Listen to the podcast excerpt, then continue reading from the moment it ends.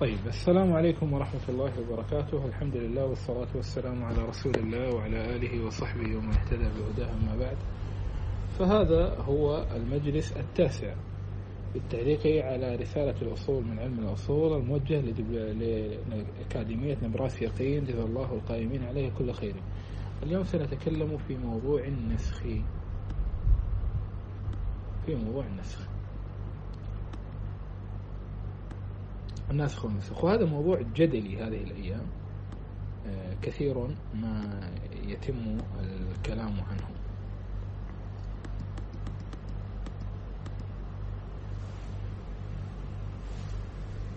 ما حكمة وجود ناسخ ومنسوخ؟ ما معنى ناسخ ومنسوخ؟ ناسخ ومنسوخ بلسان المتأخرين الذي سيتكلم عنه الشيخ؟ أنه حكم ينزل ثم هذا الحكم يرفع بالكلية. بعد ذلك ثم هذا الحكم يرفع بالكلية. طيب هو بين الملل متفق عليه. نحن شريعتنا نسخت الشريعة شرائع الماضية ومهيمنا عليه. بلا خلاف. حتى عيسى بن مريم يقول لليهود والأضع عنكم الأصارى والأغلال هذا نسخ واضح. اليهود والنصارى ينكرون النسخ. وفي الكتب التي ترد عليهم دائما يردونها يذكرون لهم أمورا. وهم عندهم مثلا بولس نسخ الشريعة قال حررتنا صلب المسيح نسخ حررنا من لعنة الناموس. ولهذا إذا كلمتهم بتعدد الزوجات أو إذا كلمتهم بالجهاد الموجود في عهدهم القديم فهم يقولون هذا عهد النقمة ونحن الآن في عهد الرحمة. هذا معنى النسخ. طيب ما الحكمة؟ أول شيء طبيعة رسالة ما الحكمة من هذا النوع من النسخ؟ طبيعة رسالة النبي صلى الله عليه وسلم مختلفة عن طبيعة رسالة رسائل الأخرى فرسالة النبي صلوات الله وسلامه عليه رسالة عامة لكل الناس كافة. وأما قديما فكان النبي يبعث إلى قومه. فالبعث إلى قوم معينين الله عز وجل قد يتعامل معهم بالعدل ولا ليس بالفضل. وهذه مسألة العدل والفضل مهمة جدا في فهم موضوع الناسخ والمنسوخ. واللي يفهمها هذا يعني كيف؟ الله عز وجل يعاملنا بالفضل لا بالعدل. فمثل حسنة بعشر أمثالها والسيئة بمثلها. رحمته سبقت غضبه سبحانه وتعالى. عدد المباحات العدل أن المباحات تساوي المحرمات لا المباحات أكثر في المأكولات والمشروبات. طيب. ولي صوتية في قناة التليجرام هل يعامل الله بالعدل أو بالفضل ذكرت أمثلة كثيرة جدا على هذا الأمر. الله عز وجل قد يتعامل مع بعض الناس عدلا أو معاقبة مع مثل ما حصل مع بني إسرائيل فيحرم عليهم بعض الأمور. ثم بعد ذلك يتفضل سبحانه وتعالى ويزيل هذا التحريم. فالله عز وجل في التشريعات أصلا يعاملنا بالفضل وأحيانا يزيد فضله. يعني مثل قصة الصلاة لما فرضت فرضت كم؟ خمسين. هذا عدل. الله عز وجل تفضل جعلها خمسة وفي الأجر خمسين. فمن أهم مقاصد الناسخ والمنسوخ بيان الفضل.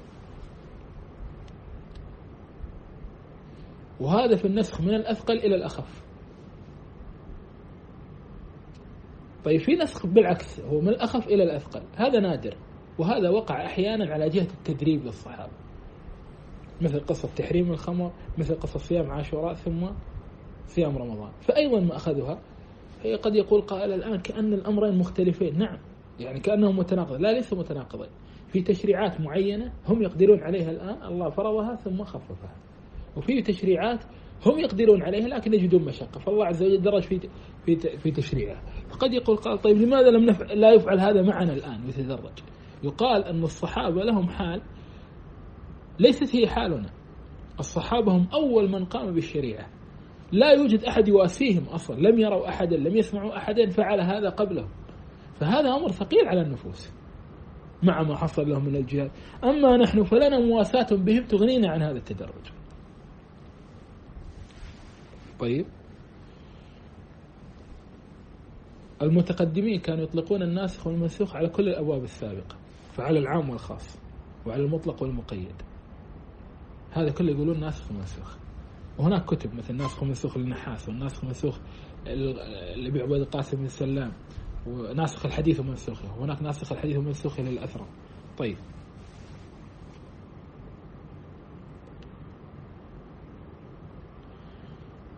لهذا مثلا حين تجدهم يقولون نسختها آية السيف.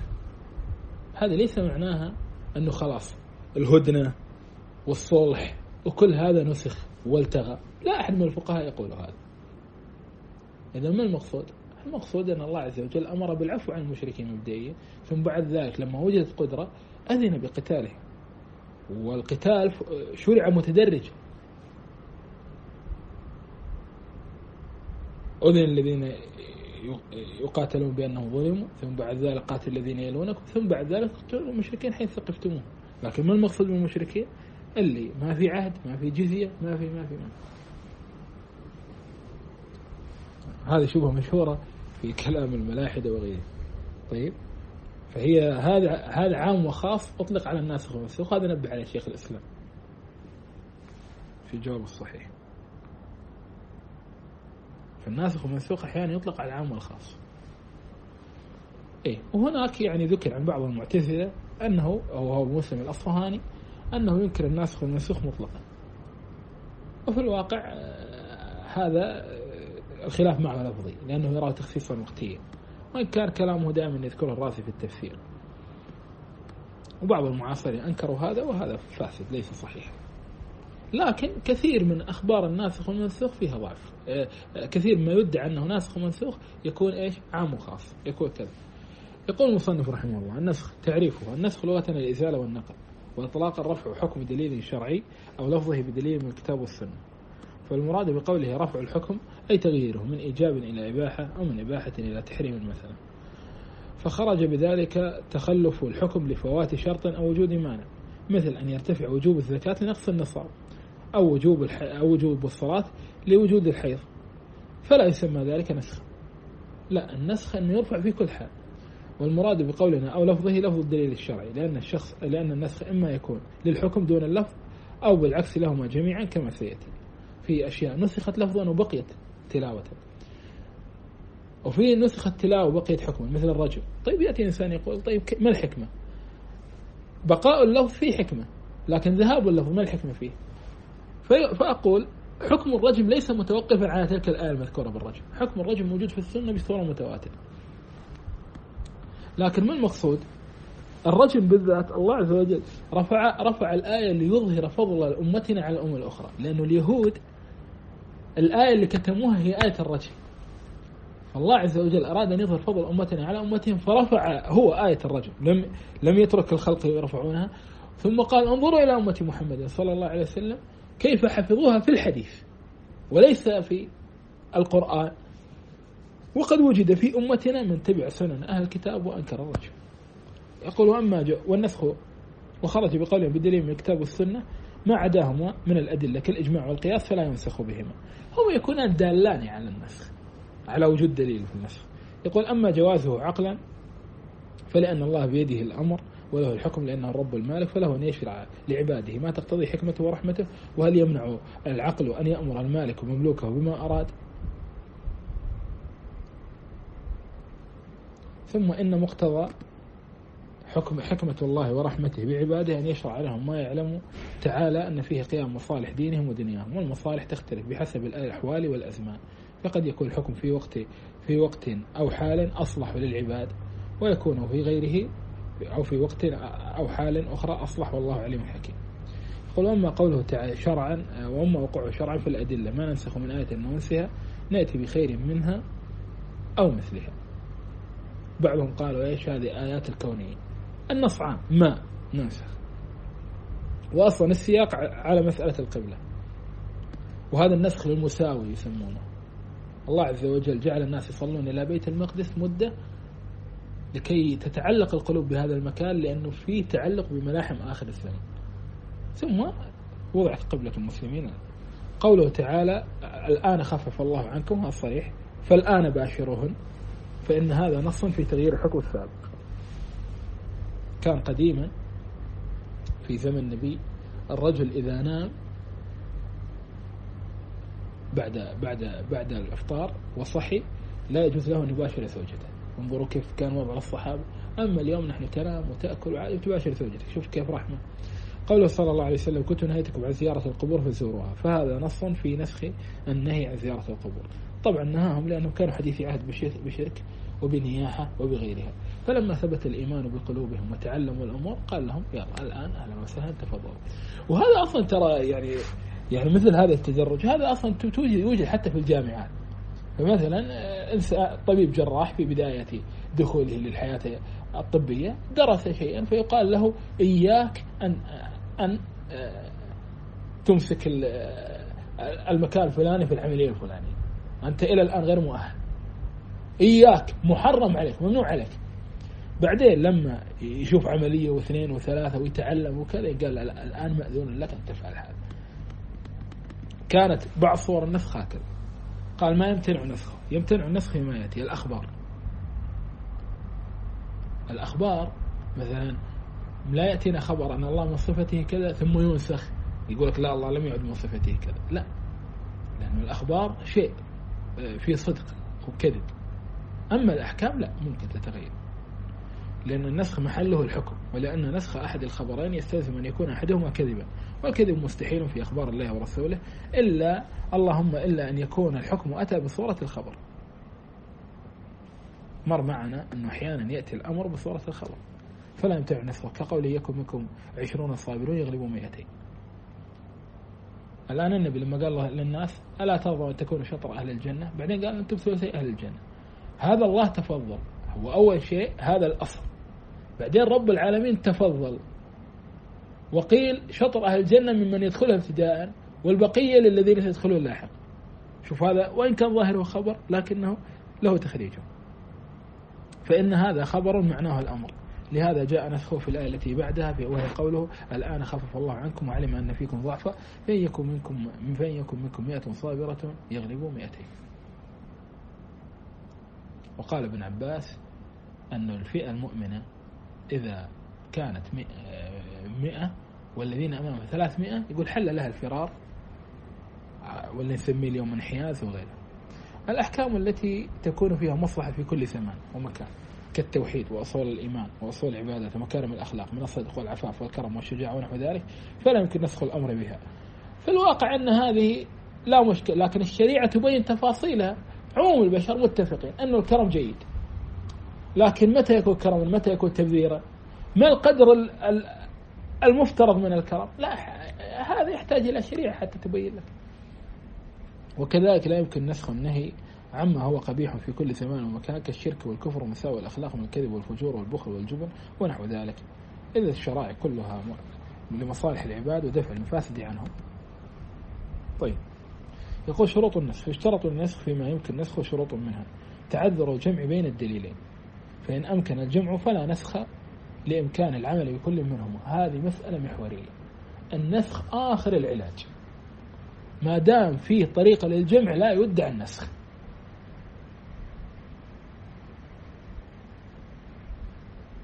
إذا إذا إذا قلنا بالجمع إذا استطعنا أن نحملها على العموم والخصوص على المطلق والمقيد لا داعي للنسخ.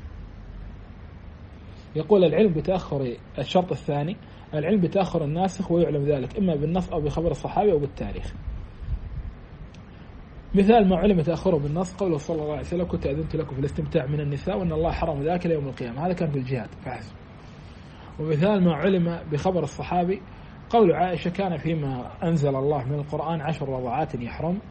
ثم نسخنا بخمس معلومات. هذا الخبر وين كان في صحيح مسلم؟ إلا أن عدم الأئمة أعله مسلم نفسه أورد رواية المعلة. وقد تكلمت عليها في في مقال خاص. ومثال ما علم بالتاريخ قوله الآن خفف الله خفف الله عنكم فقوله الآن يدل على تأخر الحكم. وكذلك لو ذكر أن النبي صلى الله عليه وسلم حكم بشيء قبل الهجرة ثم حكم بعدها بما يخالف الثاني ناسخ. مثل قصة رهان بكر الصديق مع المشركين على غلبة الروم.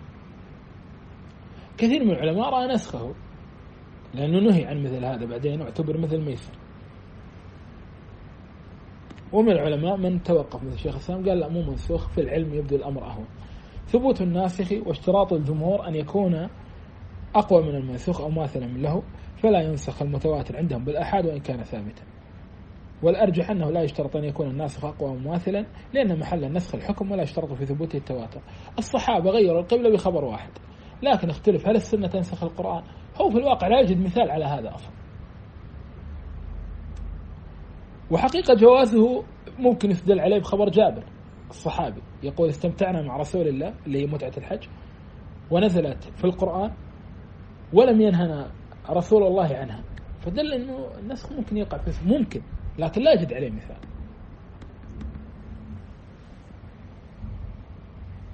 يقول أقسام النسخ. يعتبر النسخ باعتبار النص المنسوخ إلى ثلاثة أقسام. الأول ما نسخ حكمه وبقي لفظه وهذا هو الكثير في القرآن. مثاله آيتان المصابرة وهما قوله وإن يكن منكم عشرون صابرون يغلبوا مئتين. نسخ حكمها حكمها بقوله الآن خف الله عنكم وعلم أن فيكم ضعفا فإن يكن منكم مئة صابرة يغلبوا مئتين. يكن منكم ألف يغلبوا ألفين. لكن بقائها في فائدة. إيش معناه؟ معناه في عزيمة. أنت رخصة أنك تفر لكن في عزيمة. ترى أنت ممكن تهزمهم. فبقاء الآية ظلت فيه فائدة. وهذا الشيخ الإسلام نبه. قال كل النصوص المنسوخة في بقائها فائدة. بقيت على الاستحباب. حتى مثلا كانت التي تزني وهي محصنة تحبس في البيت. ثم بعد ذلك جعل الله الرجل هذا في نسخه فائدة. في بقائه فائدة. أنه إذا أنتم لم تريدوا أن ترفعوا الأمر لولي الأمر فيرجم افعلوا هذا وأدبوها بهذا وحكمه وحكمة نسخ الحكم دون اللفظ بقاء ثواب التلاوة وتذكير الأمة بنسخه. وهناك حكمة أخرى التي ذكرتها لكم. ما نسخ لفظه وبقي حكم كآية الرجم وذكرت لكم الحكم من ذلك. فقد ثبت في الصحيحين من حديث ابن عباس رضي الله عنهم أن عمر بن الخطاب رضي الله عنه قال كان فيما أنزل آية الرجم فقرأناها وعقلناها ووعيناها ورجم رسول الله صلى الله عليه وسلم ورجونا بعده فأخشى أن طال بالناس الزمان أن يقول القائل والله ما نجد في الرجم في كتاب الله فيضل فيترك فريضة أنزلها الله. ابن عباس يقول من كفر بالرجم فقد كفر بالقرآن. لماذا؟ لأن الآية التي أخفاها اليهود والله عز وجل نعاها عليهم آية الرجم وأن الرجم في كتاب الله حق على من زنى إذا أحصن من الرجال والنساء وقامت البينة أو كان الحبل أو الاعتراف. وحكمة نسخ اللفظ دون الحكم اختبار الأمة في العمل بما لا يجد لفظه بالقرآن وتحقيق إيمانهم بما أنزل الله تعالى عكس حال اليهود الذين حاولوا كتم النص نص الرجل في التوراة. الثالث ما نسخ حكمه ولفظه كنسخ عشر الرضعات في السابق في حديث عائشة رضي الله عنها. يقول وينقسم النص باعتبار الناسخ يعتبر النسخ وقسم النسخ باعتبار الناسخ إلى أربعة أقسام. الأول نسخ القرآن بالقرآن ومثاله آية المصابرة نسخ القرآن بالسنة ولم أجد له مثالا سليما. وهكذا يقول الإمام أحمد أيضا. لكن عند الأحناف عندهم أمثلة ويمنعون منها. فعند الأحناف يقولون الزيادة نسخ. ما معنى زيادة نسخ؟ يقولون إذا ذكر حكم بعينه في القرآن بعينه ها وزادت السنة فالزيادة نسخ والنسخ لا نقبله. قلنا لهم ما مثال ذلك عندكم. قالوا الآن ذكر الجلد في القرآن. وأنتم تقولون أنت هناك تغريب في السنة. نعم في السنة زيادة. أنه تغريب على على الزاني غير المحصن. فقلنا لهم ولماذا قبلتم الرجم؟ قالوا الرجم تخصيص وليس زيادة على الحكم الموجود. فنحن نقبل السنة تخص القرآن لكن لا تزيد لأن زيادة نسخ الناس ردوا عليهم وقالوا لهم تعالوا أنتم تقولون بالوضوء من النبيذ. طيب القرآن لم يذكر فيه إلا الماء والتراب. وتقولون أن القهقه تنقض الوضوء والقرآن لم يذكر إلا مجامعة النساء والإتيان من الغائط. وهذه من أصول آه، أهل الرأي التي انتقدها العلماء بشدة. قال نسخ السنة بالقرآن ومثاله نسخ استقبال بيت المقدس بالسنة باستقبال الكعبة الثابت بقوله فولي وجهك شطر المسجد الحرام وحيثما كنت فولوا وجوهكم شطرة الرابع نسخ السنة بالسنة ومثاله كنت نهيتكم وهذا كثير. عن عن الأنبذة في الأوعية فاشربوا من منها فيما شئتم ولا تشربوا. كانوا حديثي عهد بسكر. النبيذ ما هو؟ النبيذ أنك تنبذ تمرة في الماء المالح حتى يحلو. كانوا يضعونه في مكان معين يسمونها الأوعية. هذا إذا طال الوقت فإنه يسكر. فالنبي في بدايات تحريم الخمر قال لهم ابتعدوا عن هذا مطلقا. بعدين لما طال عهدهم بالخمر قال لهم اشربوا ولكن اشربوا مبدئيا لا تنتظروا حتى يشتد فيصير يسكر يسكر كثيره. حكمة النسخ للنسخ حكم متعددة هذا تكرار من المصنف ولو تكلم عن الحكم. مراعاة مصالح العباد بتشريع ما هو أنفع لهم في دينهم ودنياهم دنياهم التطور في التشريع حتى يبلغ الكمال هذا فيه نظر. هو الشيء تشريع كامل ولكن الله يتفضل بزيادة. اختبار المكلفين باستعداد قبولهم للتحول من حكم إلى الآخر ورضاهم بذلك. اختبار المكلفين بقيام بوظيفة الشكر إذا كان النسخ إلى أخف وظيفة الصبر إذا كان النسخ إلى أثقل. حقيقة منع العلماء بعض العلماء من وجود النسخ إلى أثقل. إنما هو تدرج. ثم بعد ذلك سيتكلم المصنف على عفوا تدريب وليس درجة على أقسام الأخبار وهذا باب في علم الحديث. في علم الحديث. وإن شاء الله سنتكلم عنها. هذا وصلى اللهم على محمد وعلى آله وصحبه وسلم.